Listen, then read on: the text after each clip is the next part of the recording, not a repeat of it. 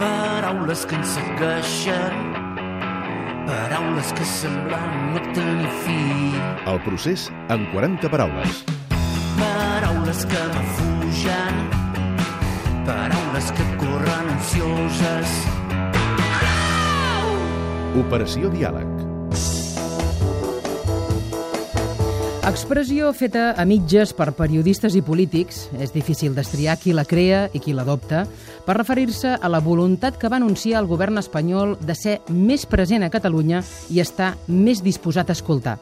Va coincidir amb el nomenament d'Enric Millo com a nou delegat del govern espanyol a Catalunya i amb les visites més freqüents de Soraya Sáenz de Santa Maria. Aquesta nova etapa l'hem de construir des del diàleg i la recerca constant i permanent d'entesa, que Enrique es de los que entiende el Parlamento como la casa del diálogo, del consenso y del entendimiento.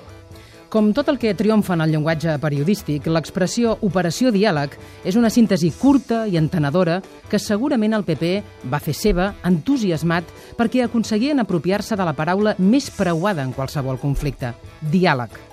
I a més, hi devien veure l'avantatge que no compromet a res, perquè no implica acceptar una negociació ni fer una oferta, però aconsegueix traslladar la idea que el govern espanyol té predisposició a l'entesa, al pacte i a l'acord. Els independentistes també l'han adoptada i l'han rebatejada com a Operació Pastanaga, per alertar que sí que sona molt bé, però compte, és fum. No pot ser que s'omplin la boca de diàleg, però les mans, les mans les tenen plenes de situacions judicials i d'amenaces d'inhabilitació. Per tant, l'operació diàleg és absolutament fictícia, és absolutament maquillatge.